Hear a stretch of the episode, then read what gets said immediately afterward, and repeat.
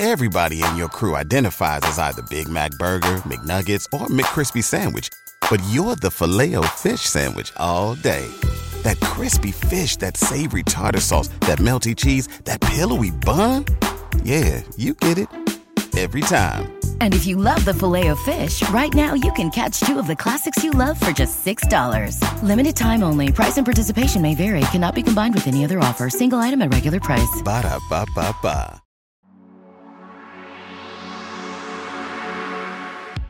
Welcome to the Broken System Podcast. I'm your host, Robert, and joining me is my insightful co host, Lexi.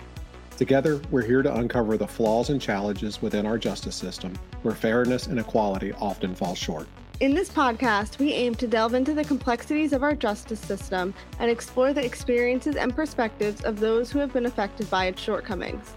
We'll dive deep into the stories of individuals who have faced injustice and examine the systematic issues that perpetuate the broken system. Our goal is to bring awareness to the disparities and biases that exist within our justice system and to inspire our listeners to take action. Through thought provoking discussions, interviews, and analysis, we'll explore the various aspects of the broken system and seek to understand how it can be reformed. We believe that by shining a light on these issues, we can empower our listeners to become advocates for change. We'll discuss potential solutions, highlight success stories, and provide resources for those who want to make a difference. So, whether you're a concerned citizen, a legal professional, or simply someone who wants to learn more about the flaws in our justice system, we invite you to join us on this journey. Together, let's challenge the broken system, amplify unheard voices, and work towards a more just and equitable future. Get ready to explore the depths of our justice system like never before. This is the Broken System Podcast. This content is not suitable for children, as it may contain material or themes that are intended for a mature audience. Additionally, it is important to emphasize that individuals are presumed innocent until proven guilty in the court of law, and judgments should be reserved until a fair and impartial legal process has taken place. The views and opinions expressed by guests on the Broken System podcast are entirely their own and do not necessarily represent the perspectives, opinions, or positions of the hosts or contributors.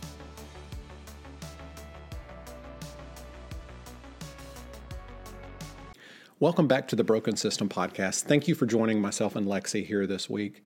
We wanted to say one, thank you guys for joining us. We appreciate you very much.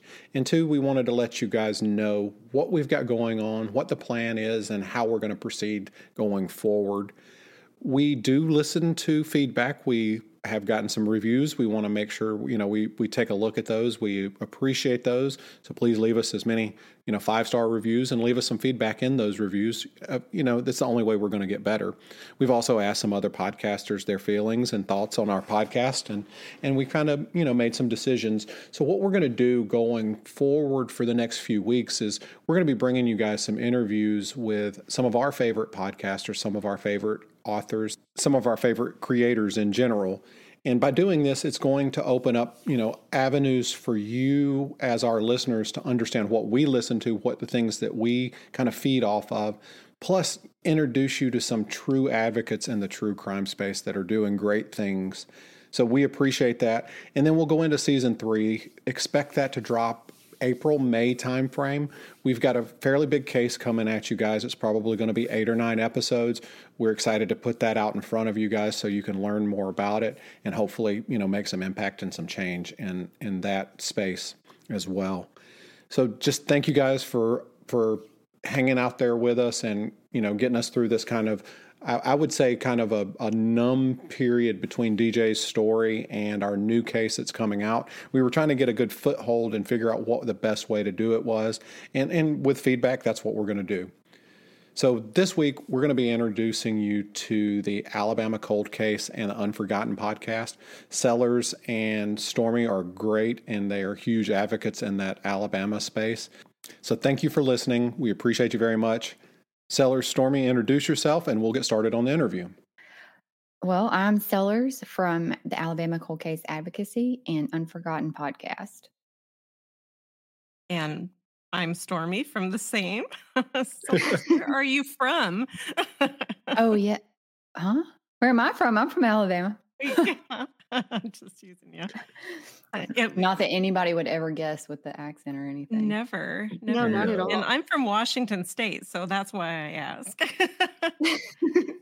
I have a terrible. I'll notice sometimes when I'm trying to say four, it comes out fur, Yes. Oh, I'm like, oh, it's not a tree. Yeah. I hear you. So you guys, how did you guys one, how did you guys meet each other because you are different sides of the country and what made you guys decide to do the Alabama cold case and also your podcast? So I am actually from Alabama, even though I didn't say that to begin with. And actually, there was a case here where I live. I try not to put it out there, but it gets so close because everybody will know at this point where a single mom went missing. And she actually went missing on my birthday. And it was the Daniela Vian case. And we didn't find out until a few days later when it started coming out on the news that she and her car were missing. She was like 25 years old. She had a young daughter. And when I saw it flash up on the news, all I could think about was that day or that evening, my youngest bonus daughter had showed up at our house to surprise me with a cookie cake for my birthday. And all I could think about was that Daniela's daughter was going to be missing out on all of those moments. And it breaks my heart. So they Mm. found her about a year later, almost exactly a year later, like it was just shy, maybe two months. They found her submerged in the car that she purchased that day and in a creek about 17 miles away from where she was last seen.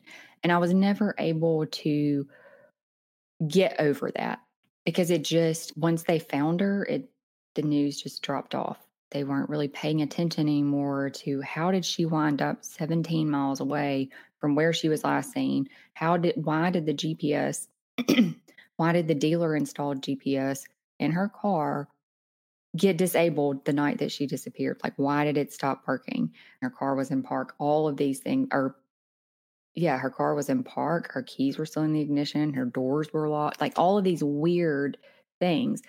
And I would always go in and check. And I had been following it on a web sleuth thread. And through web sleuths, I actually stumbled across a link to Uncovered. And I joined Uncovered and started working on visualizing Daniela's case. And in researching her case, I stumbled across the Brittany Wood case and the Brittany Robinson case and the Raheem Samuel and all of these cases in Alabama that were unsolved but not getting attention. Mhm. And I was like, well, you know what? I'm just going to start visualizing every case I come across. I'll do them one at a time until I get them in there. And after I submitted Daniela's, Brittany Wood came next. And that case is just a ton of moving parts. Mm-hmm. There's Brittany who is missing, and then there's her family members that were arrested for child sex abuse crimes in the same time. And it was just a lot to try to take on by myself. So I posted on Uncovered and was like, hey, does anybody want to try to help me with this? And here comes Stormy and Dana and several other people, Jana. Mm-hmm. So it, we just worked together to try to get as many public records as we could to fill that out because her case really wasn't getting a lot of attention. It came back mm-hmm. up while Daniela was missing because Brittany's mother had reached out to Daniela's, it wasn't her mother in law, but basically like that. That's how we got together working. We started working on visualizing Brittany's case, and then we worked on several other projects with Uncovered. And doing all of that, found out wow, there is a missing person database from ALEA, which is the Alabama law enforcement agency. But when you compare it to the NamUs database, there's 60 people that are missing out of this the state database. And there's we know now from doing this that there's people that aren't in either database. hmm Yeah. And it is infuriating. How do you lose 60 people? Why are, why is this not being done? And there are no, you know, policies and procedures in place to get that fixed to make sure that people are inputting these missing person reports like they need to and updating them regularly because all of that's voluntary. And then there is no database for unsolved homicides. So nobody was really trying to bring the attention to these cases to, I guess, bring in the tips or the new information needed. Law enforcement agencies are busy, they can't focus a lot of time on it. The families are feeling alone. So we started a petition first to the state legislature to try to get some kind of policy and procedure in place to make sure cold cases were being reviewed. And it just took off from there. We mm-hmm. created Alabama Cold Case on social media, really to support the petition, which is still And active, but it's been set to the side right now. Yeah, oh my gosh, how fast that took off. We It- never expected what we got when we started that. We were just hoping that it would bring a little more attention because what petition is hard to get going and this is the way we can share, right? Yeah. But It oh my gosh, it just it took off so fast. We started it I think I first created the page on May 27th. It was my brother's birthday of 2022. And by the end of the year, we had over 100 names that had been submitted to us from families just wanting us to do we started just doing the case cards we would research every public database we could request records whatever we could to get the most comprehensive information into a shareable graphic for social media yeah, I think it helped that at the same time we did that was right around the anniversary of when Brittany disappeared. yeah Yeah. it was And yeah. so that kind of, I think we got a lot of attention on the Facebook page because of that. Just was like a little snowball effect. yeah Yeah. and people kept saying do you have a podcast? Do you have a podcast? And we kept saying no we're not quite ready yet um, maybe later. But if we knew there was a podcast that covered the case we would always say but you can listen to this one. Um, and then finally we just said oh forget it. Let's just do the podcast. Everybody's asking about it anyway. And yeah, we were very unprepared but here we are. I don't think Well, I- I, a I, year later. There are very few people that actually start a podcast that are prepared for what actually goes into it, unless they've they've done it a number of times on different podcasts. Then they know. But when you go into it the way I think all of us have, it's almost impossible because you think, oh, you just record this and you post it and it goes everywhere and everybody exactly And Yeah. then But you, then- you- do your first episode and it's 40 hours invested between research and editing and a Mhm. full time job. Yeah, we were talking about this the other day. We were thinking how much effort we put into a single or maybe a three episode case sometimes. And I'm thinking, how do these people, no wonder these people are doing like three years of research to get a season out for one one big case. The ones that actually go and investigate and do all that stuff. And I'm like, they took three years? Oh my gosh, yes, they took three years and probably could have taken more. Oh yeah. That- Part of it too is just getting the documentation if that's not already accessible. If the Mhm. case is kind of more current, so maybe there's additional movement behind the scenes that you're mm-hmm. following, or an arrest, or whatever, and then it just spirals and it can be a bottomless pit of information, which is amazing because not every case has that, but it can mm-hmm. be a lot to sift through because you want to be the one telling the- the story the most accurate way possible. And you guys, go ahead. Go I'm sorry. sorry. Nope, you go. I think that's probably the one thing that we've really tried to make sure that we stay focused on was actually doing the victim justice by telling their story and doing it in a way that was ethical and thoughtful and purposeful Yeah. because we don't always have a contact with the family members. But in the event that a family member stumbles across it, we don't want them to be hearing stuff that they weren't prepared to hear. And sometimes there are things that, yeah, it was, it's important in general to the case. But as far as what the public needs to know, they don't need all those gruesome, gory details of some of this stuff. And I know that some podcasts you can listen to or even documentaries and they'll tell you every single thing about it. And to me, that can be incredibly traumatizing for a family member that maybe isn't ready to hear it. If they knew that was going to be in there, that's one thing. But if they're not prepared, that can be devastating. And so we try to Yeah. spend um, making sure that we have accurate information and that we're being empathetic when we actually put everything together because sometimes newspaper articles aren't always accurate, especially on these older ones. Oh. You'll find multiple different facts just between one day and the next, or Yeah, one newspaper and the other. Yeah, you're at the mercy of, of the reporter essentially for newspaper Mhm. articles. Like you just have to hope that they got the spelling correct or the address correct or whatever. Like there was a case I had worked on, um, the Chicago 51 case, and I was looking at one of the victims, and there was very little information. Truly, you were lucky if you even got a record of they were found in an alley, they were found in an abandoned lot, whatever that may have been.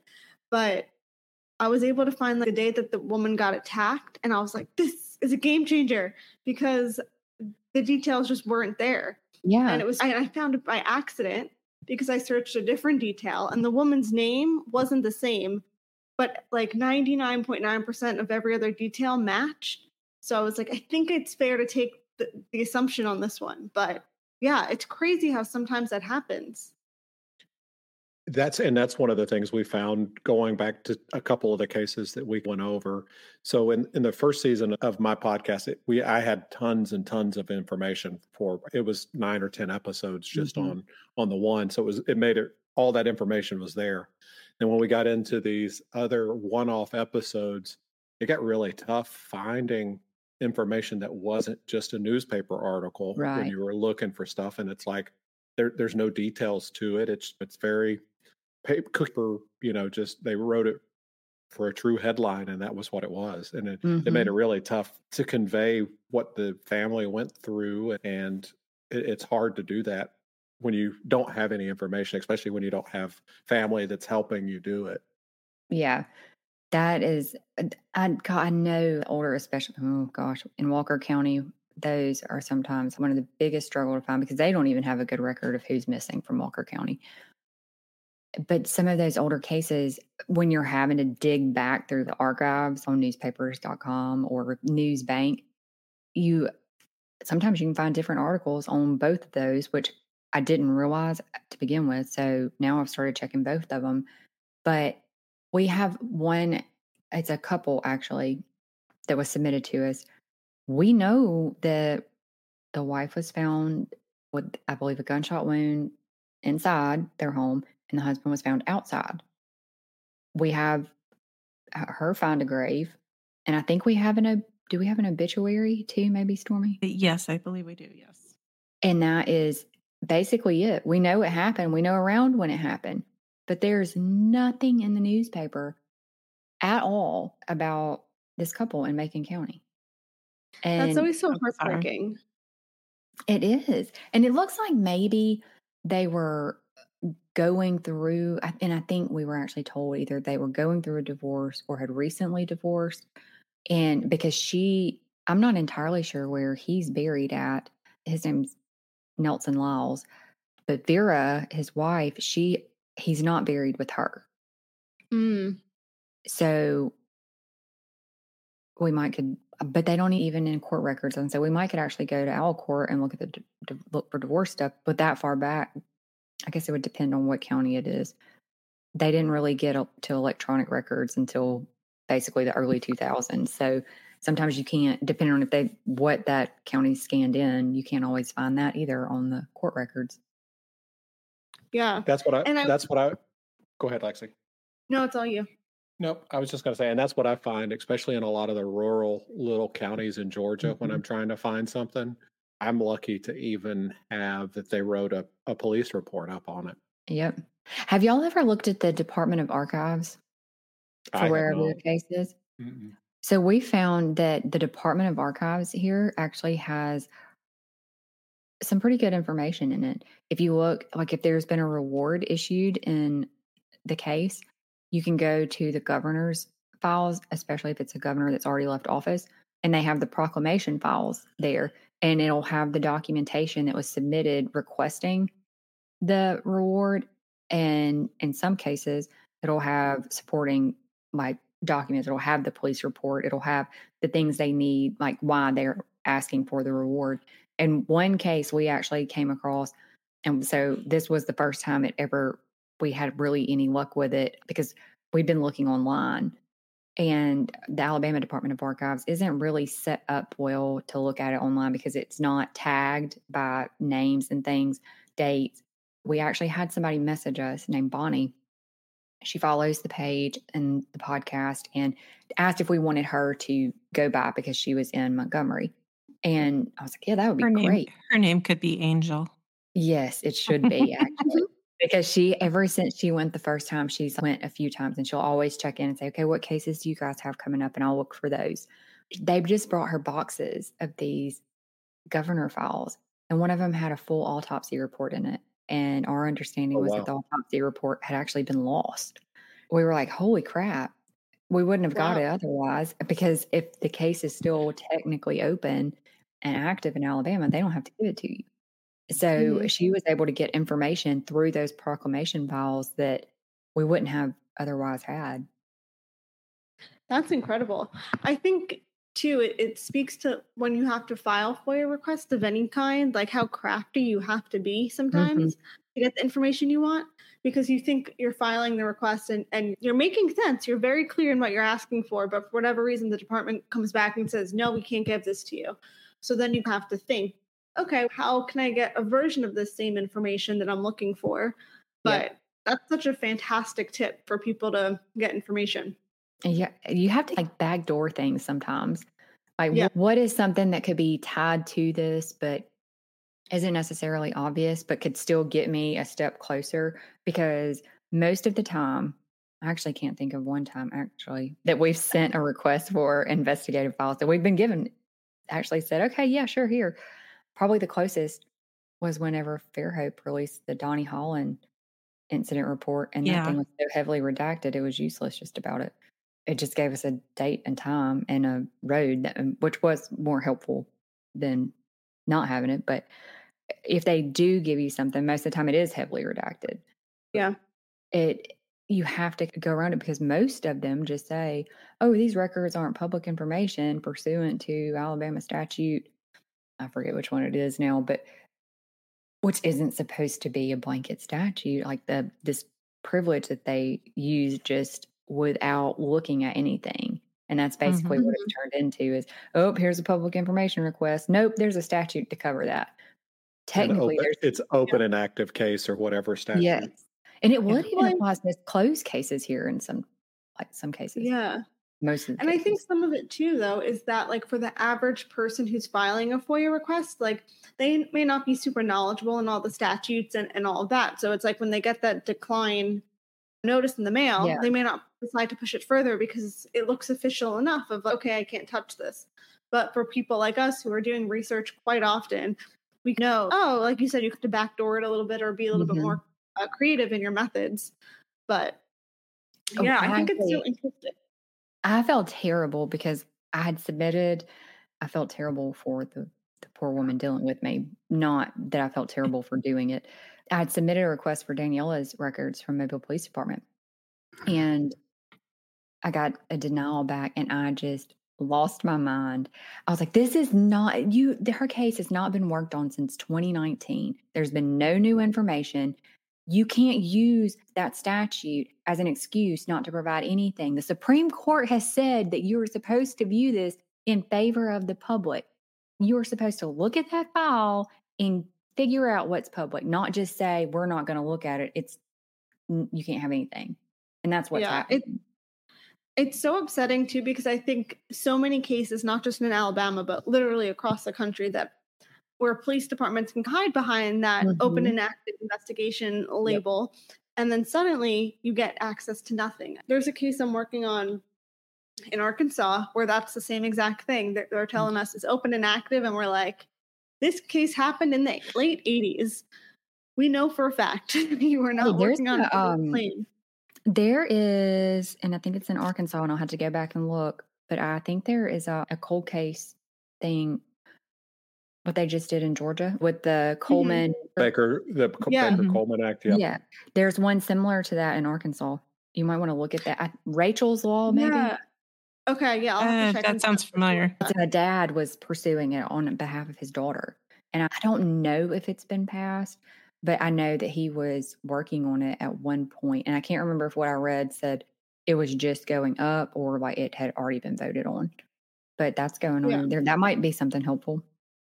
Yeah, I think part of it too, from a research perspective, it's always helpful too to team up with like journalists, especially journalists who maybe have previously covered that case, because they may Mm. have access to different levels of information from when they were just writing articles or whatever. I found that to be really helpful, just because sometimes they their brain is like an encyclopedia of what they've done and who they've spoken to and all that, and then it can just be super helpful in our own research quests. hmm I hope that the the Baker Coleman Act, Act will help Georgia, especially cases over 20 years old. But it, it's still, I think it's still going to be a battle getting that information from police departments, just because I think they're understaffed and and they they they just use those outs to u- use those just to be able to say, oh, I can't do it because of it being an active case. To me, a case that's been open 20 years, every person that could be able to look at it should be able to look at it because you never know where the information is going to come from to help solve it. I agree. Why? And didn't they have to with the is it Baker Coleman? I said Coleman Mhm. Baker, but I think I flipped him. Did they have to narrow that down? It was a little bit more broader initially, but and it didn't go through when they first Correct. And so what it ended up, what the, the ended up being that there's a fund that will go through the GBI. Any GBI related cases will be goes into this new cold case unit that they're starting.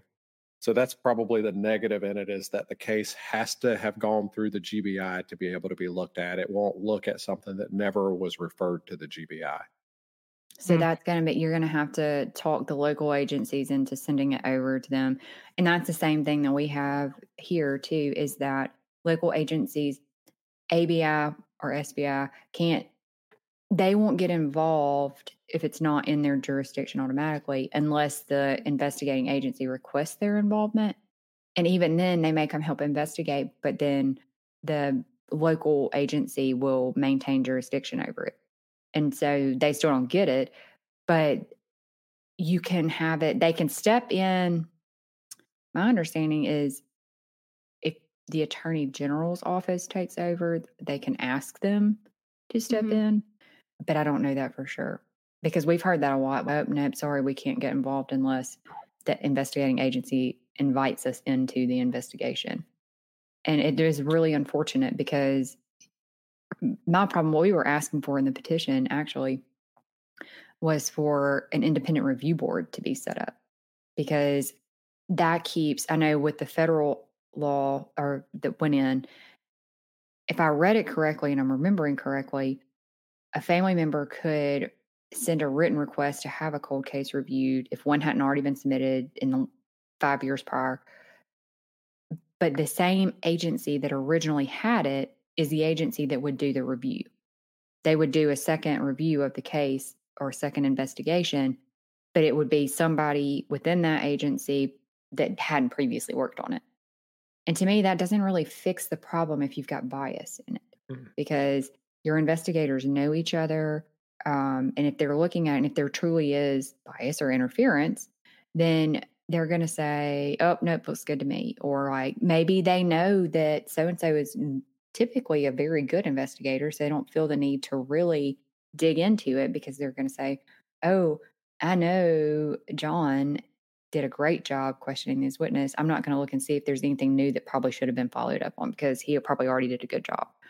And so we had asked for an independent review board to be set up so that it could be separate and apart from the investigating agencies and that a family could request a review but also just have cold case files cases that were not solved within an you know x number of years four years that if they're not actively being worked on but i guess technically what is active that needs to be defined too Yeah, that's where it gets dicey because it's easy to hide behind that term. But I agree. It, that, mm. if we had an independent review board, or even, I'm sure you guys know this, but so many retired law enforcement or former Mhm. detectives would be thrilled to be able to work on a team to Mhm. dig into cases. A lot of them are not ready to let that skill go. And from that perspective, then it, it takes some of the burden off of law enforcement. And at least you're having someone who's trained in law enforcement to still be working it. But for whatever reason, it's such a hurdle to get some of these organizations established. But when they exist, they do a lot of good work. Yeah. And I, I think that's the key is when they have the right people in place to Yeah. act that actually care and, and not saying that they don't care. I, don't- want to I don't want to say it that way. When they put the right people in place and that's their only job is Mhm. to do cold case work, they do a good job. But when it starts getting this is part of your job, that's when it usually gets pushed off. Yep. Yeah. And that's what I think there needs to be some kind of dedicated team to look at this that, you know, either the cases that are unsolved, if they haven't gotten an answer, you know, in my mind, active is not opening it up once a year and looking at it. That's not active. Um, No. and but have them automatically sent over. If you've got a case that's been unsolved for this number of years, send it to our cold case guys because you're probably already not spending a whole lot of time on it, depending on you know the case it is, because there's so many that we know aren't really being worked on.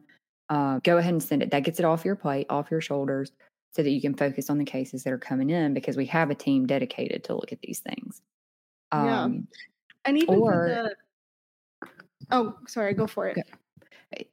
If that's going to just be completely unacceptable, I would like to see some term in there um, for families to be able to obtain access to these files after a certain number without the redactions. Because the thing is, you get land, you are, you go to the doctor and they tell you you've got six months to live. You've got an option to go get a second opinion because your life is like on the line. And now in these instances, you have missing persons and homicide victims whose lives are really, in the event of a homicide, their lives are gone. Um, they don't have that option to get a second opinion. They're stuck with whatever jurisdiction that they landed in. And in some of these rural areas, they might not necessarily be equipped or as familiar with dealing with those investigations. Or in some of the big areas, it may be that there's so much crime, they just don't have enough people to work it. And the family should have the option of saying, we would like a copy of your file because we're going to hire a private investigator or whatever. They shouldn't have to start from scratch. If the family is willing to do that or wants to do that, then I feel like they should have that option. I don't feel like they should be turned away. And I get it to begin with. Maybe the families aren't ruled out, so they can't let them, you know, see the file or there's information that they really don't want out yet. But there could be something where if a family hires a licensed private investigator, the private investigator goes and picks up the file. But it doesn't seem like really a, a fair thing. It seems like a big injustice to the victims, really, to withhold this file from people who could potentially be working on it. And, and I think that's the, the biggest challenges are that there's really no set rules in place hmm for how it should happen, especially if after a certain period of time, there, there's got to be different things enacted. And that's the problem when you go from nationally to statewise, and then from statewise to county to even in some, you guys run into Incorporated villages or whatever. Exac- yeah. exactly. Yeah. Yeah. You have county police, you have city police, mm. and and who actually takes care of the issue when it comes to them. And there's so much fighting and going back and forth between whose responsibility it is to actually take the case in the first place. Yeah. I think a big thing that would be helpful too is for a lot of these older cases, the case files are not digitized. So there's not even an Yeah. option for an officer to say, oh, do we even have an autopsy r- report available? Do we have some of it's just they know it's a giant manila folder somewhere and it's just papers. And I think if we just spent time or had a system in place where people could volunteer maybe their time to help digitize these files, like that would make a world of difference too. Because then at least it's searchable and findable and more with the times. yeah. I- I'm watching you on this video with your microphone and it is just cracking me up. I know. I should preface for people. I feel like you're like and giving you're see giving a speech. I know it- it's, it's very formal. Yeah. I'm like she talks with her hands It's too. just like it a, almost like a game show talking. host, maybe. I know. Yes. the Greek and Italian in me, I just don't can't leave my hands alone. But for, for people who are listening and can't watch this video, I'm not home, so I have to hold my microphone. it looks like I'm doing karaoke, so it looks a little ridiculous. But Very, you're very natural with it. yeah. Yeah. It's smooth. I know every time it comes into frame, I'm like, oh. we move it.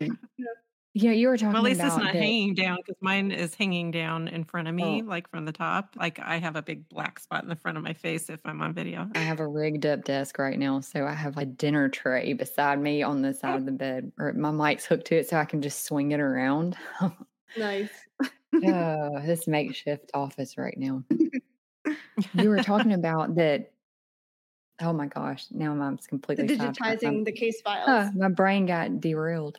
The- yes, the digitizing the case files. We actually called Dallas County, no, Selma Police Department. Mm. Bless it. It is like slow as molasses getting to the phone. So I'm on the phone, I'm on hold. I know the guy's coming to the phone, but it took Yeah. a really long time for him to get there. And maybe he's older, so I probably shouldn't fuss about it. He didn't sound older. He we I'm asking about a missing person case. And the thing about the, this missing person case is that his dad was a county sheriff's deputy. And so I didn't really understand why Selma Police Department had it anyway, because I guess jurisdiction wise, maybe he fell in the city limits, but it seemed like the county was actually doing, they were the ones giving the interviews, like the press conferences and stuff Right. like that. And with his dad being a deputy there, it seemed odd to me that they wouldn't just give the county jurisdiction to work that. But I asked him, Can you give me the status on Eric's case and any updated information? And he was like, Oh, I don't know. He's still a missing person. And I'm like, That's not helpful. Yeah, no, We know he, that. yeah, I think And, that's uh, pretty public knowledge. yes. And then I said, okay, would, um, could we get a copy of the file? Would you let us look at the file? And he was like, that's down in archive somewhere. So if I can find it, I'll send it to you. And I was like, well, I am not going to hold my breath because I just don't see us ever getting that file. And I tried to email him a couple times to like follow up on it. We never got that file. So that was now was that you said his dad was in that department or his dad worked for the county. He was a sheriff's deputy. And then, but Selma Police Department, the city department, is the one that actually was the investigating agency, which was unexpected because it had always been the sheriff's office that was actually giving the comments to the media, doing the press conferences and stuff. And it seemed like they really were the ones that were leading the investigation, but the jurisdiction, or I guess technically jurisdiction, stayed with Selma. It was Yeah. really bizarre. and I think that's where especially when you get into a lot of these smaller little towns those are the problems that you run into hmm with all of these kind of cold cases because I don't know that they know who's supposed to be doing it. Yeah, I agree. And maybe there were people there that aren't there now and that were working together, or maybe they weren't working together. Because that's another thing that we run into is that the county agencies aren't working with the city agencies and vice versa. Both are trying to investigate the same case, but they're not communicating and collaborating or cooperating. And then you have all this information just scattered among the agencies. And that's really frustrating too, because you're all working towards the same goal get it together. Mm-hmm. I, that, yeah, that's such a good point too, because there's, I think like the Golden State Killer case is a very extreme, but like proper example of that too, where they were looking Mhm. at similarities up and down California, but no one took the time to say, hey, what do you know about that case in this county? Like, Yeah. connecting the Yeah. dots because, and gosh, And- how many and once that agencies were there in that one? oh my gosh, so many. I think it was Too many. four or five. Yeah. I mean, Yeah. that were mainly involved. Yeah. Yeah.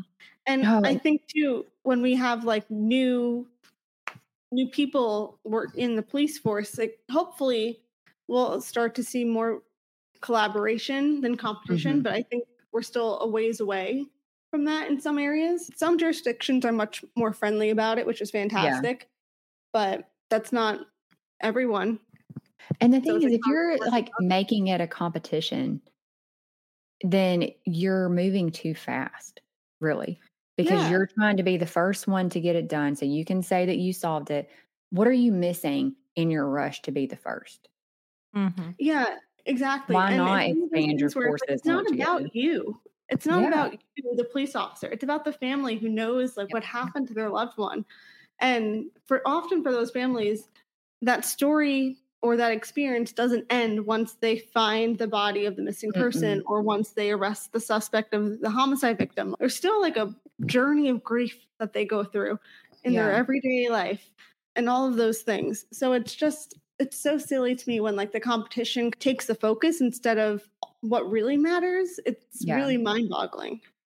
And I don't want it. I know I always think about it when I get off on these tangents about it. Gosh, it sounds like we're really ragging the investigators.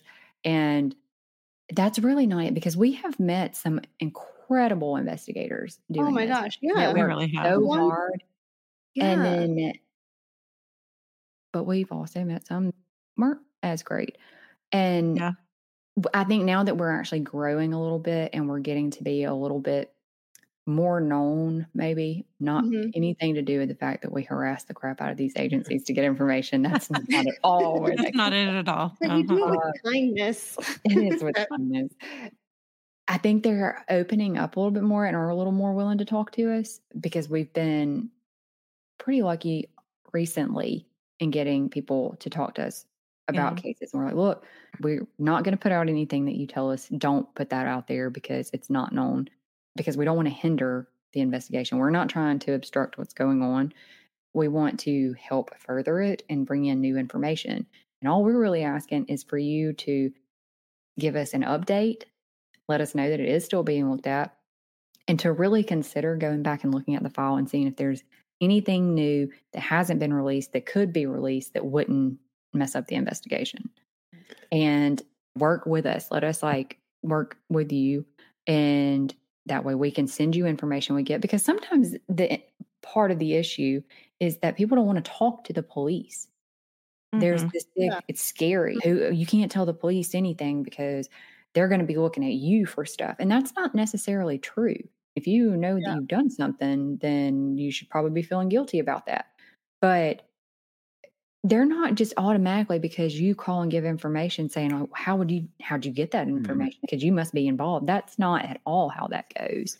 And so On top of it, you have the family. I, some of the families are very involved in the case. Mhm, Some of the, ca- the families are worn out and they've they don't Mhm. really they it isn't that they don't want to be involved that they don't want to find out what happened but they are so tired that they can't do it anymore mhm. and then there are some families that either don't even know what's going on and they didn't maybe don't even know that there was a crime Yeah. you know so there's such a wide variety there that if we're stepping in to at least try to get that information the same information the family would ask for had they been involved or not just done with the law then we're one we're helping them get one step closer and initiating that contact maybe that is an encouragement for the law enforcement to say hey you're right this family really needs contact And I think that's the key is that as you are known to the law enforcement agencies, you're going to get more and more support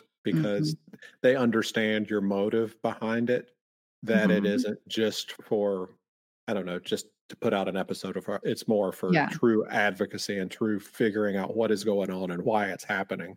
Mm. When they realize that, they're able to bring you, I guess the word is to bring you in their fold Yeah. to give you a little bit more information and be a little bit more comfortable with sharing because they know you're not going to run and throw it on social media to to incite different things and Yep. and that type of stuff. So once they start realizing that, I think as you build that and and they talk, different agencies talk and and they start learning that you're going to get more information. And they exactly. know that there are people out there that've given us a bad rap. We talked about that a little bit earlier. There are a lot of people out there that they don't, they couldn't trust, they shouldn't trust even. She if didn't they mean had. us. It wasn't that we had a bad rap. The media in general. Yeah.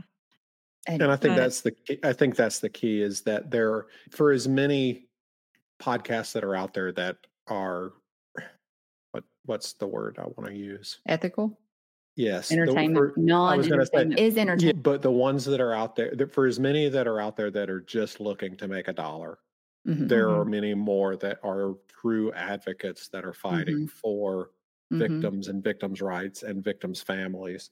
And, and I think Yeah. that's the key. That is the and key. I think some of it too is that if you're going into it expecting to be able to slap your name, your brand to a case and riding it the whole way and like getting a byline when the case Yeah. is solved, like that's just more often than not, that's not going to happen. But And that it's also shouldn't the right reasons to be doing it Oh, for sure. Yeah. But it's I think some of it too, it's the people the ones behind the scenes who know the work you're doing, they already know. And to them it means Yeah. more than anything than for it to be a byline in a newspaper article. Because that Mhm. doesn't mean much, but the families will know that countless YouTube Zoom hours you had with them, brainstorming and analyzing and yep and going down rabbit holes. And that's not always public because the public doesn't need to be involved in on that side of it. Mhm. But there's so much of that that isn't talked about when you Mhm. talk about a case being solved, or how many interviews you had to conduct, or the bizarre side missions Yeah. to try and understand tips and you know, isn't it is it the Vidocq society that like they don't even want anybody to really know that they worked on a case. They keep it Yeah. pretty, you know, Down low. on the Yeah. DL so that Yep. they don't it's not because it, of that exact reason because that's not what it is i actually looked at the Vidocq society website and i was like god i really want to be in this it's like fight club for investigators nobody talks about it mm-hmm. but it looks like it would be awesome but the i think that there have been so many and it's not just like podcasters or things like that it's news stations too Mhm. um so there's a case here that happened a year ago where a guy tony mitchell died in the walker county jail and there's a video of him being carried out of the jail um, like deputies are carrying him out of the jail and putting him in an SUV, and he very much looks like he's already deceased in this video. And so they take him to the hospital, and there's it's in, it's pending in federal court right now um, because they filed suit against them saying that they had him in a freezer and that it dropped his basically gave him hypothermia and Mhm. that's why he actually ended up dying. There's there's other things from that, but one of the main allegations is that they put him in a freezer. And they actually the attorney general came on one of the local news stations and I think he was going to I think he was actually talking about something else, but they, at, they were they brought in somebody else to investigate this. The attorney general wasn't going to be involved with the investigation. They brought in, oh, I think the FBI actually, they brought in the FBI that way because they didn't want any, to, any conflicts, essentially. right. So he was not being really involved in the day to day investigation stuff. And so one of the reporters, though, I think he gave an, a general overall statement about how it was going to be handled. And then I think it was actually off the air, or was supposed to be off the air and off the record. They asked him if he would watch the video. They he said he hadn't even seen the video. One, that pissed me off because I know you don't want to be in the investigation because of any potential conflicts. That's it. That's a big deal. That man died in the county jail, and you are on. You were brought over here to do an interview. I think about several things, but that was one of the main things. Um, And it was a really hot Yeah, I topic mean, among people. all over the news. Yes, every newspaper, every news station, they were covering it. And you couldn't take the five minutes to watch that video before you sat down to give a statement on it. That to me just infuriated me because I thought, how are we supposed to tell families that they're not by themselves and the agencies do care when you just walked in and said, I don't know, I haven't seen it? Mm-hmm. And and the whole thing about that whole case is that he actually had he watched that video, he may have done something about it himself. Yeah. Instead of having to send it, it to the, eh, or whatever. to the FBI, he would have been Yep. able to say, "There's an issue here. Let's we need to look at this Yeah. Eh, eh, a lot more depth." And maybe he had watched it and he just told them he hadn't So just to because that was easier so he didn't have to comment about it. But he and but the reason I think he probably hadn't is because he agreed to watch it with the reporter. But it was supposed to be off the record, off air. And he made a comment, and I can't remember the comment now off the top of my head about the way that it looked, Tony looked when they carried him out. And that was supposed to be off the record. One another reporter from that news station took the clip from where he watched the video and statement and he posted it anyway. And it caused a huge uproar. The guy he got fired because he wasn't the reporter that was doing the interview and because it was not even supposed to be public information but he said he felt like the public needed to know about this and it's really unfortunate the way that he went about it eh, because it's things like that make it more difficult for people who really want to help like what we're doing to get information. And that's really frustrating because it's like what we tell families and stuff i've even told it to a couple of agencies at this point that we know not every law enforcement agency out there is a bad agency but all it takes is like one bad apple to bring the whole place down and it's the same thing in media you have one person that does one you got one reporter that's doing something bad and it's like everybody suffers the consequences Everybody in your crew identifies as either Big Mac Burger, McNuggets, or McCrispy Sandwich. But you're the filet fish Sandwich all day. That crispy fish, that savory tartar sauce, that melty cheese, that pillowy bun. Yeah, you get it. Every time. And if you love the Filet-O-Fish, right now you can catch two of the classics you love for just $6. Limited time only. Price and participation may vary. Cannot be combined with any other offer. Single item at regular price. Ba-da-ba-ba-ba. Points is for it Oh, that's Oh, a, yeah. that's life in general. You've Yeah. got you you've got a hundred people doing the right thing. You've got one person that does the Mhm. wrong thing, and that's how everybody looks at the whole group of people. Is Yep. is that that it's a bad it's a bad thing. We actually were taught, our I talked to an investigator last week before I had to leave to go out of town for wrestling. And great guy, liked him a lot, super helpful, and was actually willing to talk to us. It's off the record, but was actually willing to talk to us about what he knew or could help us with and said, anytime a case falls up here that I can if I know about it and can possibly help with moving it forward, just let me know. I'm happy to talk to you guys off the record. Which was great because it gives us, even if it's off the record, it's still giving us kind of an idea of like areas we could try. Well, and, And it also, also helps us confirm tailor. other information we've Yeah. heard, you know. And Yeah. we were talking about the we were talking about earlier about people not calling in. They try to they put up these rewards, and my thing is if somebody's going to come forward, they're going to do it reward or not. And sometimes you think, oh my gosh, there's this large sum of money out there. Somebody who needs money is going to come forward with information, and they do, but it's not credible. The people who aren't coming forward are not coming forward for a reason. And so I don't think there's any amount of money that's really going to entice them. Um, and I hate saying that because it feels like if there's a reward issued, it does give the family more hope because it's incentive. And he said, We did a thing in one of the cases with Crime Stoppers and the rewards and stuff. And we thought we would get a lot of tips and information in from that. But people don't even really want to call in to Crime Stoppers because they think that you can, they can still be traced. And we actually talked to um, somebody that worked on the app, the P3 tips or whatever, the website design and thing. Mhm. And they said there's zero way for them to track the identity of somebody unless it's given to them. They get like a unique identifier. And if Crime Stoppers needs to go back, like the agencies can ask them, hey, can you clarify this or whatever? They can use that unique identifier and go back to the person that submitted the tip and send that question. But they can't, there's no way for them, if you don't provide them your information and your contact, there is no way for Crime Stoppers to know who you are. And he said, but sometimes people just, they don't believe that. They don't believe that it's truly anonymous.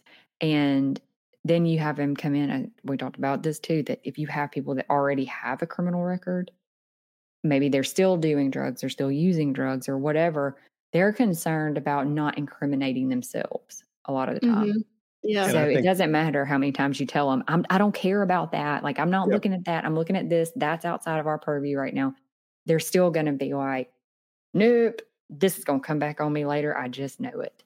Yep, and I think that's I think that's the biggest detractor the biggest issue with tip lines and things like that Mhm. is is typically when someone goes missing, it's not for good reasons. It's not it, something happened that wasn't shouldn't have been going on.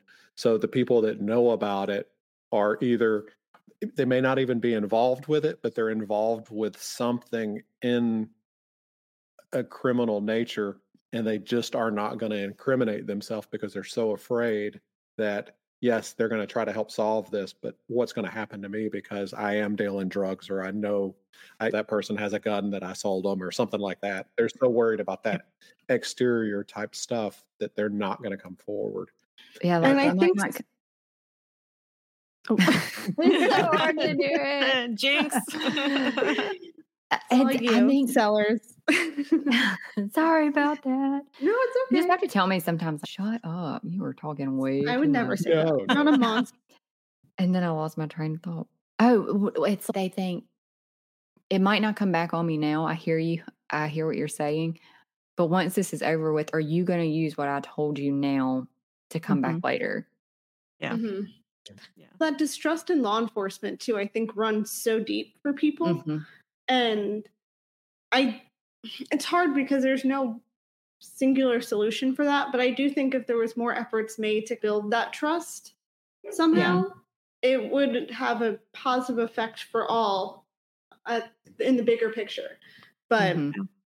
because i think too like knowing that okay yes you are doing drugs they're not legal but we're not asking about those drugs we're asking about what you saw the night that so and so went missing and all of that. Mm-hmm. And it's just it would just i also think too when we're in it the way that we are our perspective is so different than someone who's totally unaware of true crime and the ins and outs and, and like how sophisticated it can be sometimes and how you have to walk the dance with law enforcement of not saying the wrong thing or not revealing the wrong bit of information.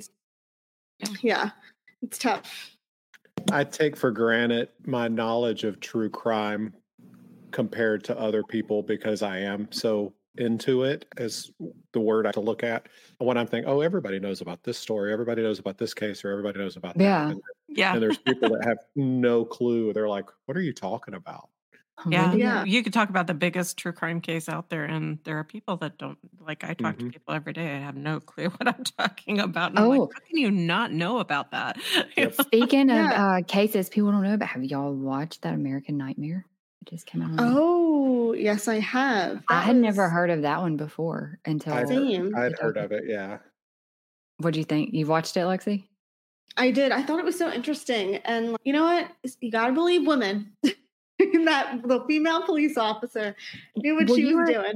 You were talking about earlier with the Golden State Killer. There were all these people that were like checking similarities and they didn't check in with each other. Mm. That was the same thing because as it goes Yeah. on, saying there were other calls about this that were similar to it. I still don't know how I feel about it though, I'll be honest. I know. Yeah, I think realistically, the to entertain the idea that someone intentionally faked their own kidnapping is like hard to wrap your head around. Yeah, but what's the Um, lady's name that did it? Sherri P- Papa Yeah, or yeah. Yeah. Yeah. But it, I guess it's one of those things too where it just, I know I would never be one to do that, but like Mhm. what was going on in their lives that made that like an acceptable option or alternative to their problem.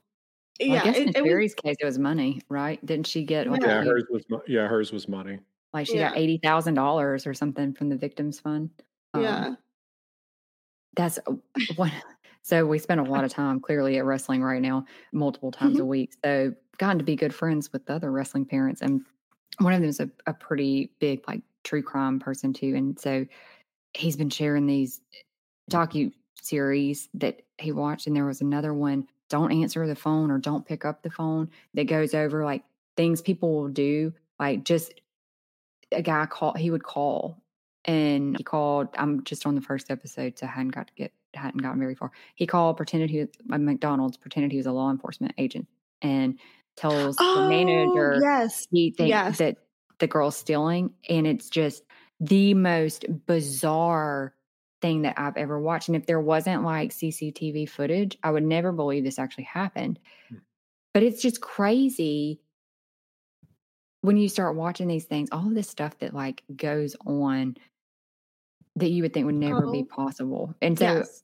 like that kind of ties back in that nobody they might have I hadn't finished the series but nobody's died yet as far as him being like a serial killer type person i think he Mhm. just was calling people i'm not haven't gotten far enough to know yet it's one of those things where that's probably it ties back into another reason that people don't talk is this like almost like peer pressure i guess if they're Yeah. even if they're not directly involved they know somebody that was involved and it's like a group effort what is bystander effect where if one person Mhm. goes and helps then maybe other people will but if everybody stands back and nobody goes to help nobody's going forward because they don't want to be singled out and it's like a fear thing that if they get found out they'll be next and sometimes they really want to talk they just don't know how Yeah. Mhm. I will say another fantastic show. It, I guess you could say it's a docu series or just like a a show is Trafficked with Mariana van Zeller. So you, for those listening, you can find it on National Geographic and or Hulu. But basically, this journalist travels around the world, and every episode's a different topic. So she's oh does she get into the like, crime things like she goes she like gets into makes her everything. She gets these crazy interviews with these like top yes cartel people. She's I watched like that. in the jungle. She's watching them make like fake drugs. She's Wow.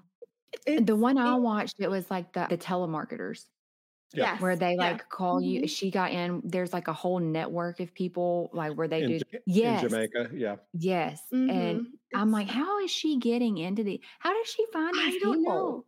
I worry about her safety every I was going to say, yeah, I know. because one because she but she's cool as a cucumber. She is Was- so calm and collected every single episode, and it's you are right up there with the, these ridiculously rich cartel leaders or these very and you're driving by people carrying very big guns like to get to oh where you're gosh, going Yeah, I, mean, felt so they- bad when she followed all the fentanyl across the across the border. Mhm. Yeah. Oh, yeah. And, and it was the pregnant lady that brought it across, and she was like, "This lady's Mhm. going to get arrested," and she didn't. And she's, "I don't know what to do because now all these drugs are here, and I can't tell on them." oh my yeah, god it, it's but like she's done everything from so season four she did an episode on sextortion, she did an episode on Mhm. assassins, body parts, like oh my god and so there was two body part episodes. One is like living organs, but then the other is like for deceased organs. And one of the things wanna I found insane was that like they were talking about oh like there's this slice of a human brain or whatever. And they were and she was like, Oh, how did you acquire it? And she's like, What? They, I got it on Facebook. Yeah. what Yeah.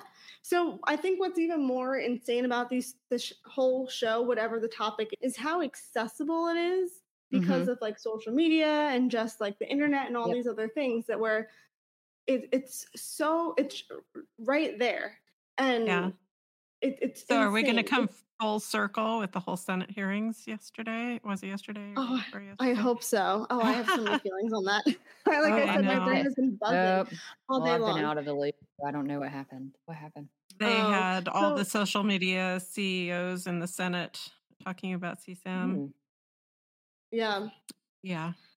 it was wow. really It impactful. was, yeah. And they were like, no holds bar in the Senate. Yeah. Like these I guys say- were. oh my god they got ripped apart and rightfully so i will say not to take this in a political direction at all but i will it was very nice to see people of different parties aligned Mhm. on a Yeah. nonpartisan issue Yep. because that's what like government should be but like, because fundamentally it's like truly at its core the safety of children because it and another fantastic show undercover underage it's also not Mhm. easy to watch but it's fantastic that one's on discovery plus and or hbo but basically a woman she's a nonprofit called SOSA safe against online sex abuse and they pretend to be decoys where they pretend to be underage minors and they connect with they call it like acms adult contacting minors so basically pe- like Oh. pedophiles essentially Yeah. and using the information that they reveal to the minor, they triangulate them, and basically, they, some of them end up in arrests and all sorts of other stuff. Oh my god. It, it's That- a fantastic show. It reminds me of was it Sound Sounds of Freedom? Sound of Freedom? Oh yeah, I and have I not never seen That's watched a that one. very but- good movie. Very Yeah. good. Like it, oh, that's a hard one to watch. So I've heard, yeah. When I was watching Undercover Under, uh, one thing I was shocked about was that, and I keep repeating this fact anytime I have these conversations, that for a child, it only takes eight minutes to be groomed online. Which Seriously, that's not a long time Yep. at all. That's not a long time. But they said in the Senate hearings yesterday, too, that every two, and they said this way too casually, by the way, every two minutes a child is sold in- into sex trafficking in this country. Oh my god. that was a fact. Yeah.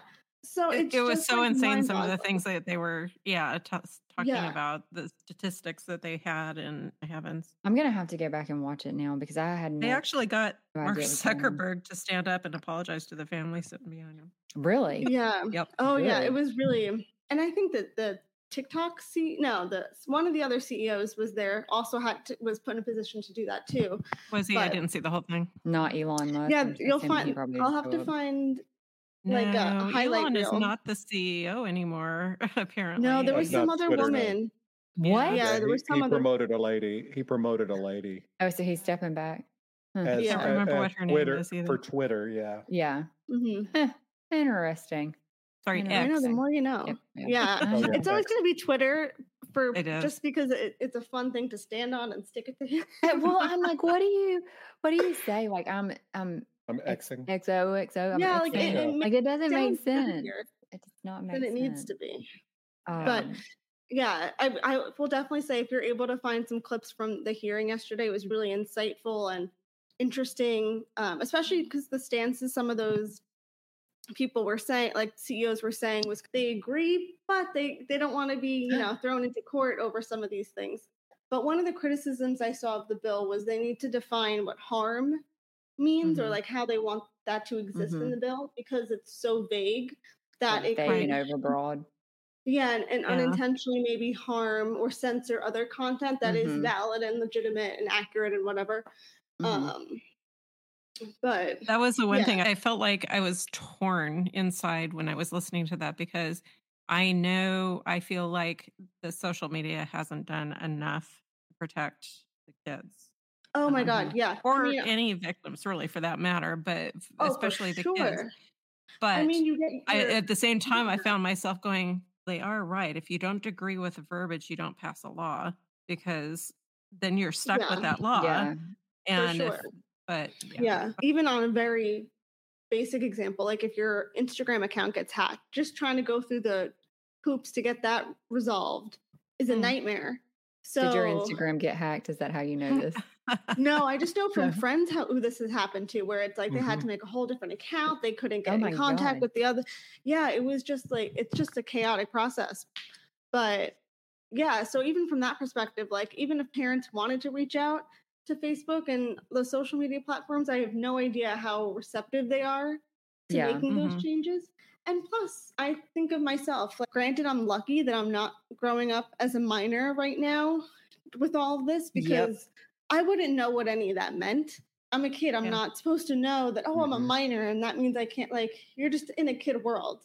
But, like, when I wanted to kids- join MySpace, I changed the year of my, my Exactly. Yep. birth year. yeah, who, who really would want to tell their their own age? I know that there are honest kids out there. And kids these days kid know a not, lot. but Kids these days know Yeah. a lot more they do. than oh my what God. Yeah. Oh, yeah. because they have it's great. access to so much stuff. And it starts at such a young age too. Yeah. You've got I've sat and watched kids that are like two years old swiping through know, Mhm. phone and on tablets. I'm like, I can't even do that. How do you get to that? I, can you see how you did that?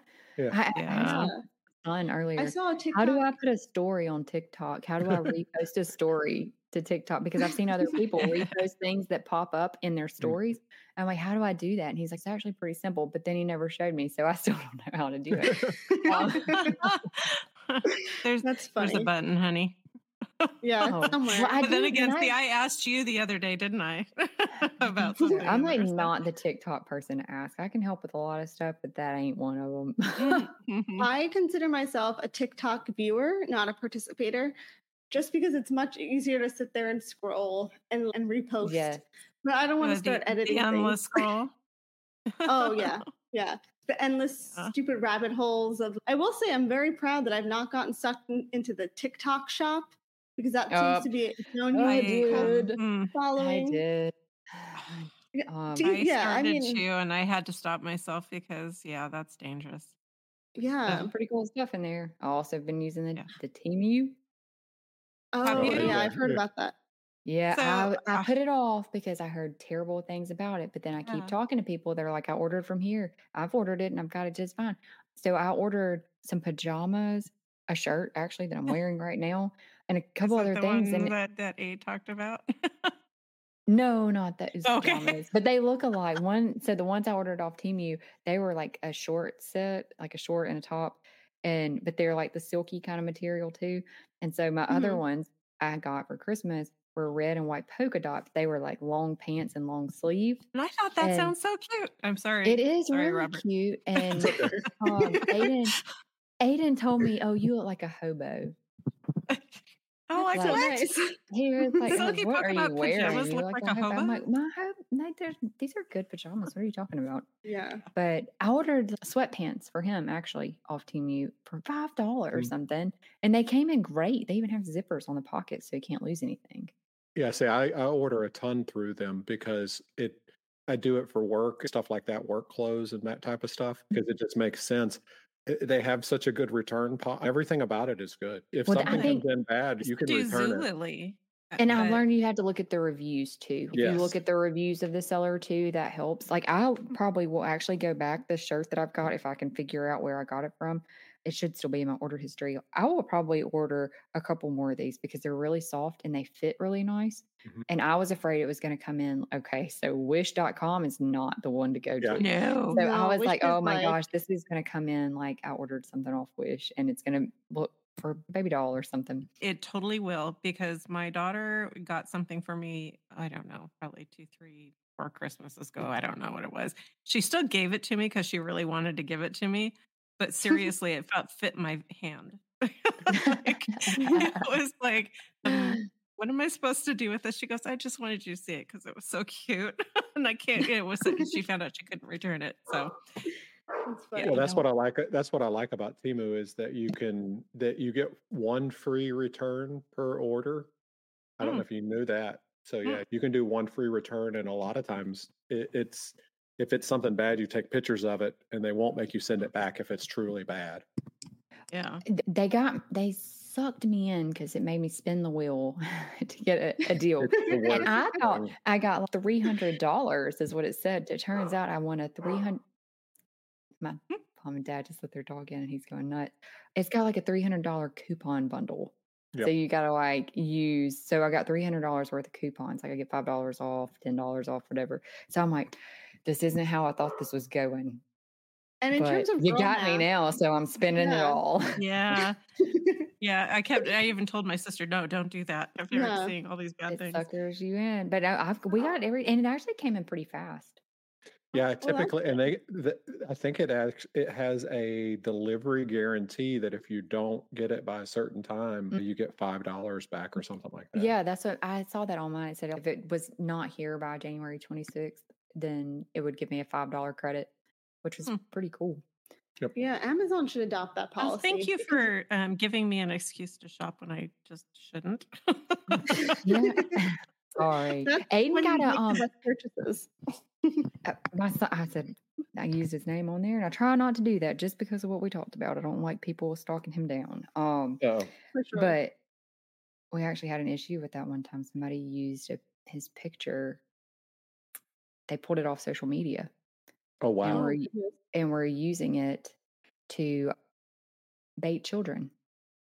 They were pretending using his pictures to pretend to be a kid his age. It's so Um, crazy. and I we got a call from an investigator about it. And I'm like, oh, oh, I didn't even really know what to think about that. Yeah. And right there, what we were talking about, though. Yeah, yeah. And but even I'm like, in terms is of like online safety, oh, it's so awful. But even in terms of online safety of what they're teaching kids, that is not in the manual. no. like it's And a it- whole new chapter. that that's like the investigator called and he was wanting to know had this person ever made contact with Aiden, whether it was through like Roblox or something like that, PlayStation, whatever. And I was like, I don't think so, but let me check with him and make sure. And so Aiden was like, Oh, I don't know who that is.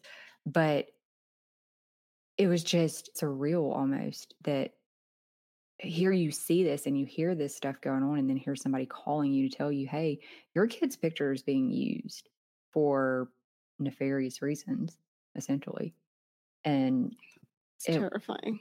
yeah it was and it like really hammered home that even when you think that you have your stuff locked down on the internet it's not really locked down Yeah. No, because- that's- just because you're setting is one way doesn't mean your friend's settings are one way Yeah, and, And- even too, just because you have things locked down, it still doesn't mean that people can't find context Mhm. information about you. Of, oh, you live in this town, or oh, like you like to do this, or oh, you frequent this bar on Wednesdays for Mhm. karaoke night. It reminds me of that post of like the minivan with all the different Yeah, stickers. I of, was like, just oh gonna God. say. yes That was yes. What I was thinking about. Yeah, so this person lives in this place, has a kid in school at this age, has another Mhm. baby at home, likes to do this. like, yep Yeah, and her name is, you know, is a license plate. is her name. yeah, they have two dog. They have two dogs. Yeah. Yeah. One's a small one and one's a big one. Yep. and there's no Yeah. man there, so she's single. Yeah. Yeah, they may as well put a QR code to her social security number on the back of the car. like yeah. it's all right there. Yeah. Crazy. I'm so lucky that I'm not a minor in this day and age because I feel like it's not easy. No, I think there's always been these issues. They just weren't as publicized, maybe, or as well known. Mhm. But they also weren't. Maybe it's because the information wasn't readily accessible to really get it out to everybody. It's centralized. Yeah. Um, yeah. But When I was watching that undercover underage show, they talk about how some of these predators will use like coloring book apps Mhm. because you know, your parents not going to think anything nefarious is happening on a coloring app. Because why would anything bad happen on a coloring app? Like it's literally just oh no, I need to check the coloring app my niece got. So Yeah, and like they'll if there's like a chatting function, sometimes that's how things will Yeah. start. mhm, But like, yeah, even that, that like, you can have all the parental controls in the world, but there's still ways around it. mm, Or wants to, they will. yeah. Or they're very mindful of like, the, the age of consent in, in that state, or whatever gross thing it is. Yeah. But, yeah. Well, you or talked if about the kid's curious enough, they Yeah. can sometimes find a Mm. way because they are, like we were talking about, they are sometimes more, much more savvy than us. you were talking about on traffic the fact that she had gotten with the or the body part episode of it and it just it totally reminded me when you said something about a slice of brain so there's a big thing going on in alabama right now about transition. No, about the so DOC has a contract with UAB, which is a big hospital here. And anytime an inmate dies in custody, they send the body, if it's not claimed, they send it Mm. to UAB for science, for research. And so UAB apparently noticed way back a few years ago that they were getting a disproportionate number of inmates submitted for Mm. research and they become concerned about families being notified that this is happening so that they can actually give consent to these autopsies yada yada and so they actually raised it to their ethics committee that they felt like there was something like not quite right with how things were being handled and their perception and i think the ethics co- committee was just like oh just keep doing what you're doing. But then back in i think it was august a family got a call that their loved one had died in while he was in prison. And they said we want his body. We, we'll come get it. We'll claim it. And they i guess the warden was like nobody nobody ever wants that. Nobody, no families ever want to do that. And they're like, we do, we want him. And after a little while, they get the body and then they actually have it submitted for a second autopsy. And he's missing his heart. Hmm. And Yeah. there was like some concern, I think, over the rate, like the decomposition level that he was at in comparison to when they he actually had passed away. And so I've got to go look at on Pacer to see what's happened. But I know they had a hearing probably within the last month because they're trying to locate where did his heart actually go because it didn't go to UAB, and they don't know. Then after, so they're trying to find his heart, locate that, and figure out why this stuff happened to begin with, since it was clearly already gone when it got to UAB. And all of that, another family comes out and files suit against DOC because Mhm. their son was missing a brain.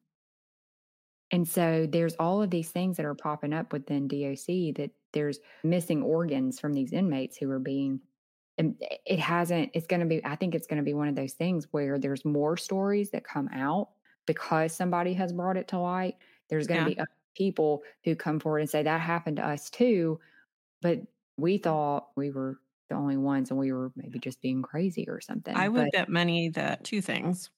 One, I think because it was so commonplace to do it and they assumed that nobody would want these people, they were, Mhm. it was going there and then they had to retrieve them and they'd already had whatever done. that was my how many others who didn't have the autopsy done after they retrieved their loved one? mhm.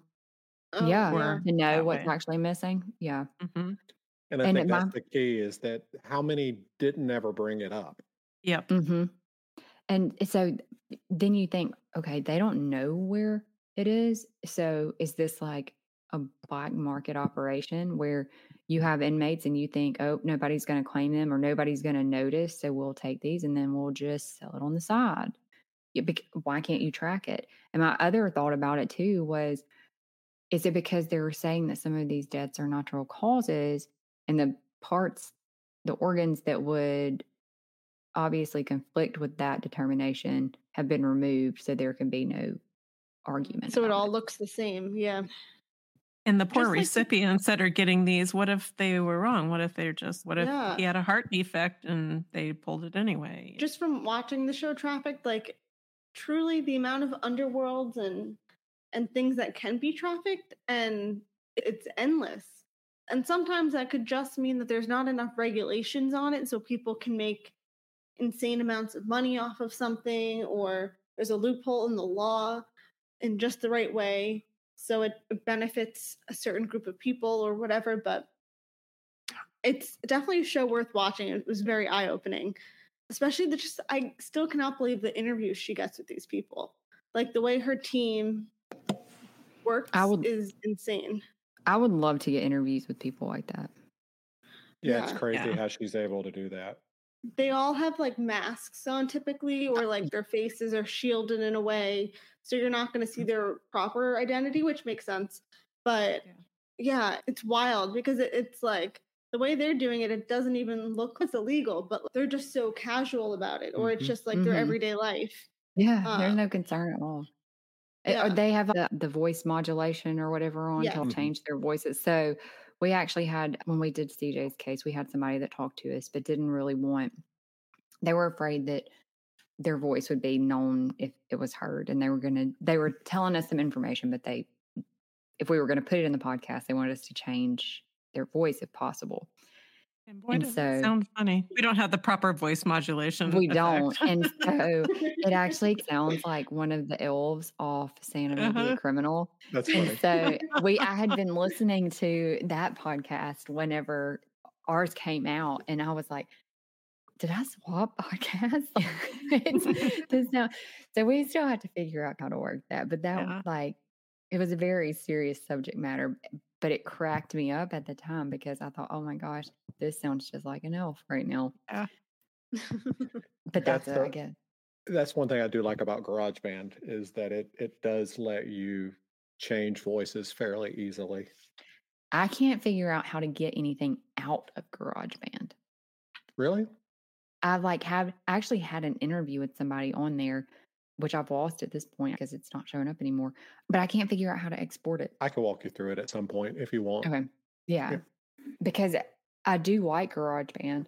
I just keep having to leave everything in there because I don't know how to get it out. So that would be great. Yep, I can help you with that.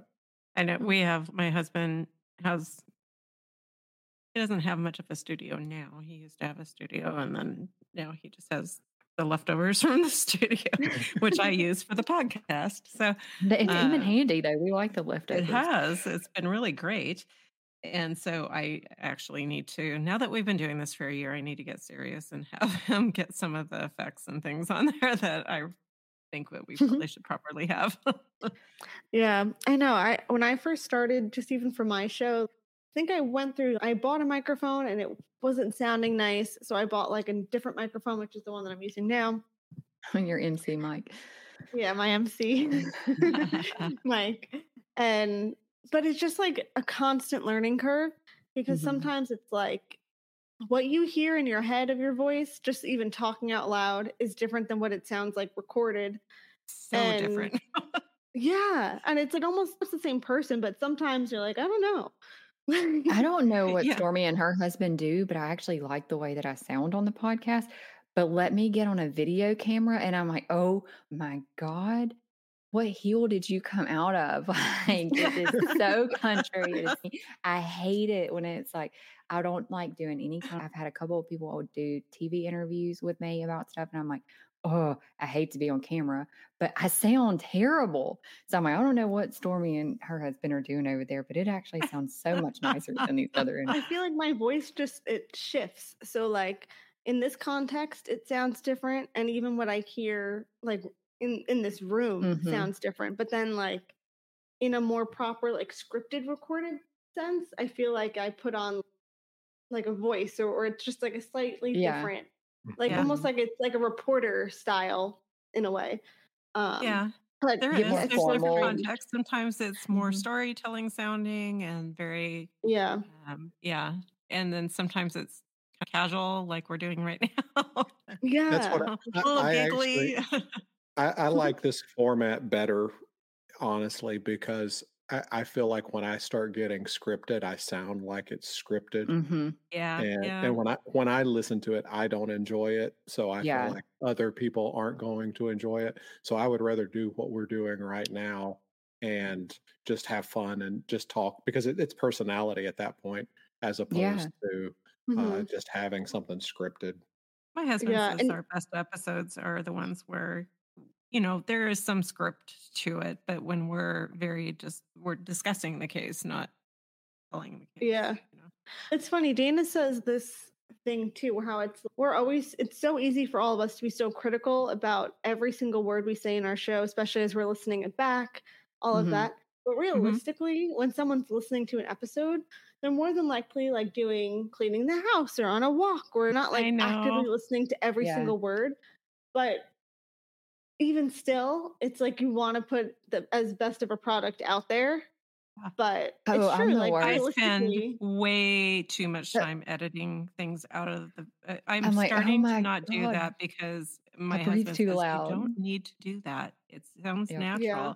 Now, albeit yes, it's natural, but sometimes it's pathetic. Yeah, we're just like, why do I But it was Dana between Dana and my husband. Actually, she had told me she goes, nobody's hearing that. She goes, Yeah. Yeah, she's paying so good attention." at pulling it back. Yeah. Yeah. And like, okay, maybe so. We would listen and be like, oh my God, I've got to learn to breathe quieter or something. Like, I can I was hear like, I never knew. I was this gargantuan breather. Yeah. Like, And you- next week, somebody's going to say, you need to edit that a little more. No. We're like- and that's another thing. No one's gonna be completely 100% like thrilled. Everyone's gonna have to say something because we don't. Oh live in a man, we get some every- mean people. We get some mean Oh my feedback God. and stuff. Mhm. Yeah, Like, You're some like, people "Eh." need a Oh. hobby. and I'm Yeah. like, why don't you try it? If you think you can do better, it's free on Yeah. Spotify to set up your podcasting account. Yep. Please go try. yeah, It's- it's easy to throw to stones until you're in the house, and then you're like, oh my god. Yeah.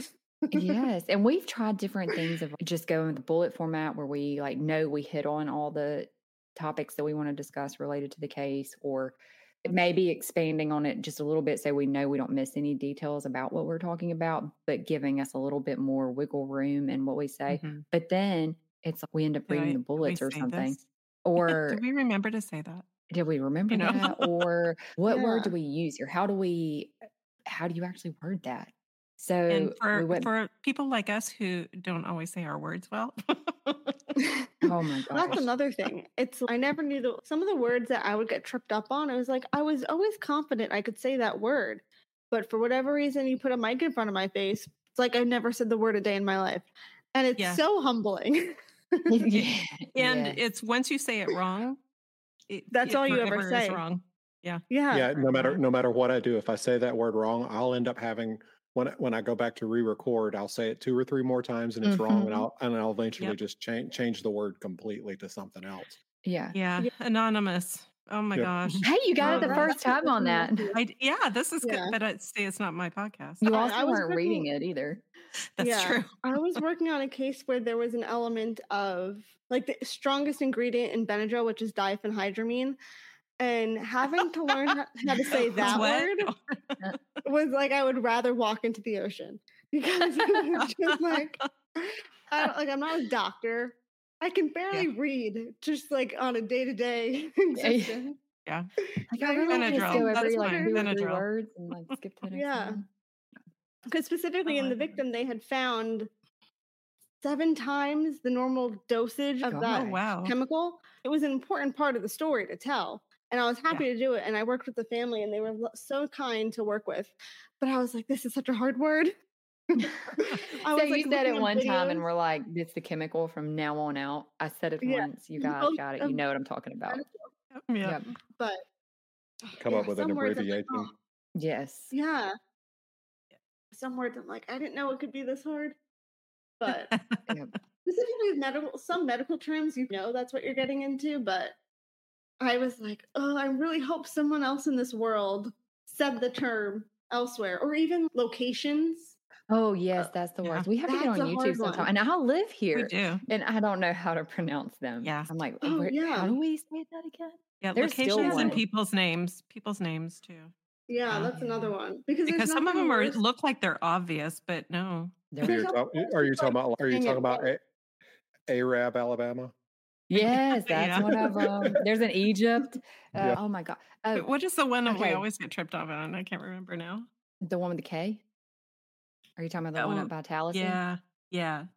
Yeah, So well, there's Tallahassee. Tallahassee's one, and I kept calling it Tallahassee Yeah, and didn't. And now I'll screw it up and go back to calling it that until we were doing Mont's case and people were saying it in the interviews, Tallahassee. yeah.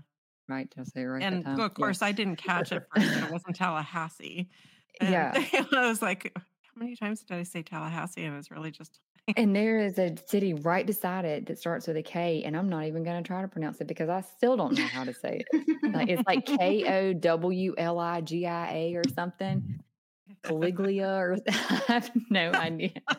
and Yeah. people get so upset with you when you mispronounce it especially when it's not even when, well like i said arab alabama people Mhm. will get upset when you pronounce it arab because Yes, that's how everybody knows it I Mhm. kept talking to an investigator on a case, and I kept saying, "I want to go. I want to search this place in Uriah." It is U R I A H. I was like, Uriah. Then they're like, oh, up in Uriah? I'm like, huh? That is not all the letters that are in that. yeah i was like they're saying the same word yeah. They just left off the ah. oh yeah wrong syllable yeah. I'm like, oh my gosh. Come on, guys. Don't have to drop every ending. Yeah. I'm sure you've done this before though, but one thing I find helpful is I will look up like a news clip. It can be literally any news clip, but search the name of the town. And, Oh, like, that's a good news. idea. Oh yeah, because the news report is not going to Good mess that up. Yeah. that, that one's is- free. Yeah, we went to YouTube actually to see if we could find it, but then okay, we have obviously I have a pretty strong accent, and there are other areas here in Alabama where it's really strong, and so we're like, "Oh, how do we know if they're even saying it Mhm. right? Yep. You I know. Wait a minute. What did she say? Yeah. Seriously, even when you said that's what she said, I said, did she really say that? Yeah. like, I think she put the emphasis on the wrong part of the word. I'm not really sure. Mhm. but it's like that. And I mean, there's places that I've never even heard of. I've lived here all my life, and especially in the middle. You're learning a lot about your northern Alabama. Yes. Yeah. I will tell you also, I've become a lot more familiar with the north, south, east, and west directions. yeah, I used to, I used to, which way is like east or west? I have no idea. But now, if I'm talking about a town, I can be like, oh, it's east of such and such. And I feel so smart for being able to use these directions. Uh, totally. I am so graphically challenged, but uh, Oh my now God, that I've had to like look at maps all the time, I know a lot about Al- Al- I don't know a lot about I was other like, she actually knows more about Alabama than she does Washington. It's funny you say that, Stormy, because this makes me think of the time. This was like years ago. We were in the car with my mom, and my sister read a road sign, and she's like, "What's Nyack? So Nyack?" And really, it was Nyack, South Nyack. But she, she didn't. Oh, the so. Yeah. So oh Nyack. my heavens. That's Yeah. Oh, that's awesome. hilarious. Oh, the challenges of, of broadcasting essentially. Yeah, Yeah. very much so. Oh, my cousin will kill me if she ever listens, but there's a little city. I say it's a little city. It's like in Mississippi, like not far across the state line when you get over there, and it's called Gautier. And she was had a map out. I- I don't even know why she had a paper map, but she had a paper map for some reason. And she was like, "Oh, we're in Gaudier," and we've just stuck with it and called it that since eh, we she told us about it. And it just cracks me up every time because it's one of those things where you really probably wouldn't have picked that. It's G A U T I E R. Like how you- I would have expected like C H or something in there. Mhm. Oh yeah. So, Huh. Interesting. And uh, this isn't a hard to pronounce one, but we, I was researching for this last episode that we just released, and we, the car that this gal was driving was found in a little town across the Alabama border called Why Not? Yep. and uh, we just about, but when I was searching it, then it was like all oddly named towns, and uh, they had some. They have one called It. No, in Mississippi or. Alabama? I don't know. I think it's in Mississippi. It's in I one of the bordering states. It was. It was in Alabama. Yeah, it's they're right there on the line um, hmm to Mississippi. That I think Why Not actually straddles the line. It does. It's. I- I think the border is stays in Mississippi, but it's right there. It's like a, a mile from the border. But I've never heard of it before looking at Rebecca's case. No, no.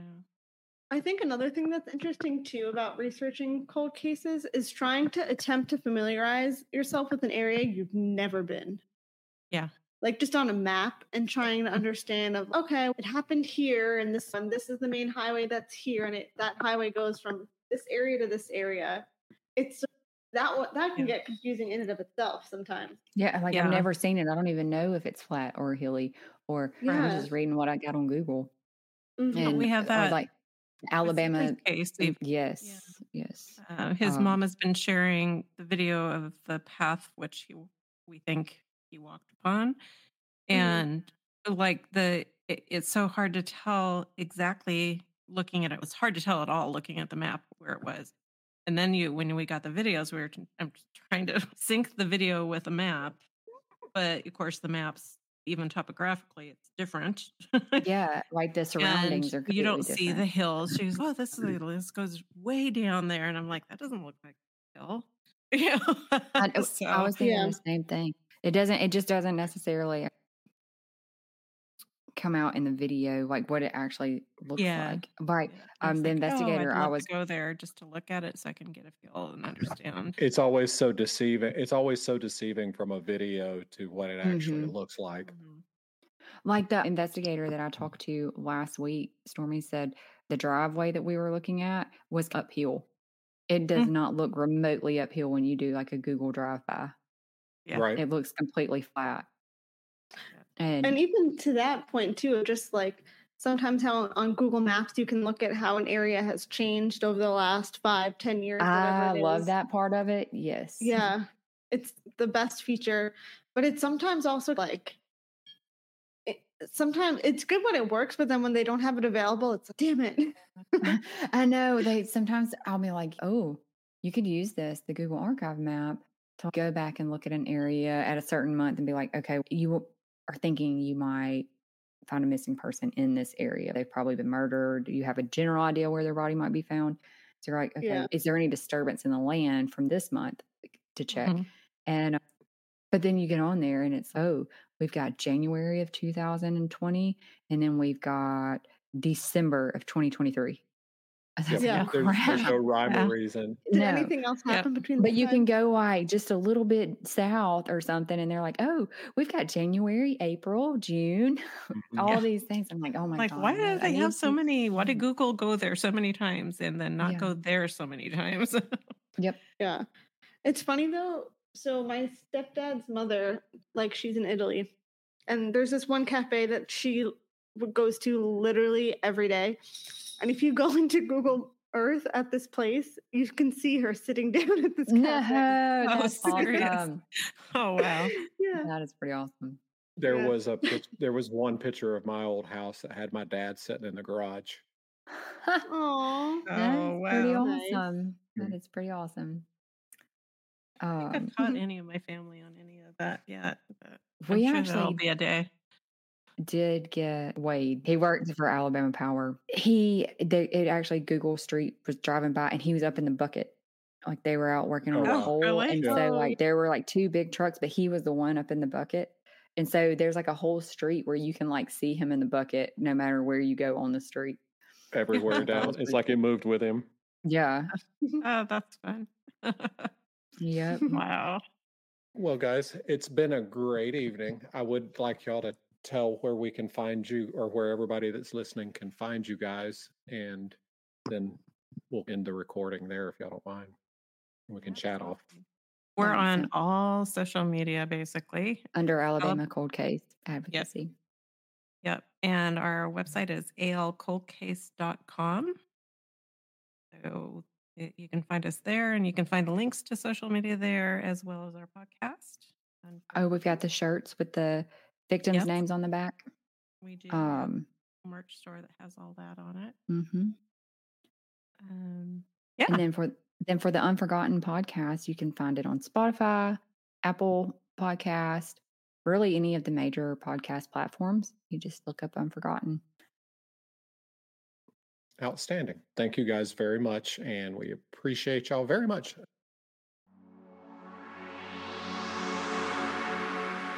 Thanks to everyone for joining us this week. We appreciate you and look forward to talking with you guys next week. But before you go, we want to remind you to stay connected with us. Follow us on all of our social media platforms to keep up with the latest updates, behind the scene content, and more. You can find us on Twitter, Facebook, and Instagram, all at the Broken System Podcast. And if you want to support the show and get access to exclusive content, consider becoming a patron on our Patreon page. Your support helps us to keep the podcast going and growing. Visit patreon.com, search The Broken System Podcast to join our community.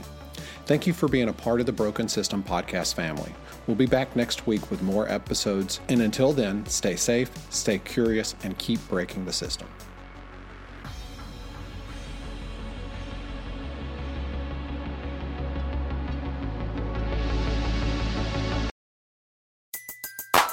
Everybody in your crew identifies as either Big Mac Burger, McNuggets, or McCrispy Sandwich.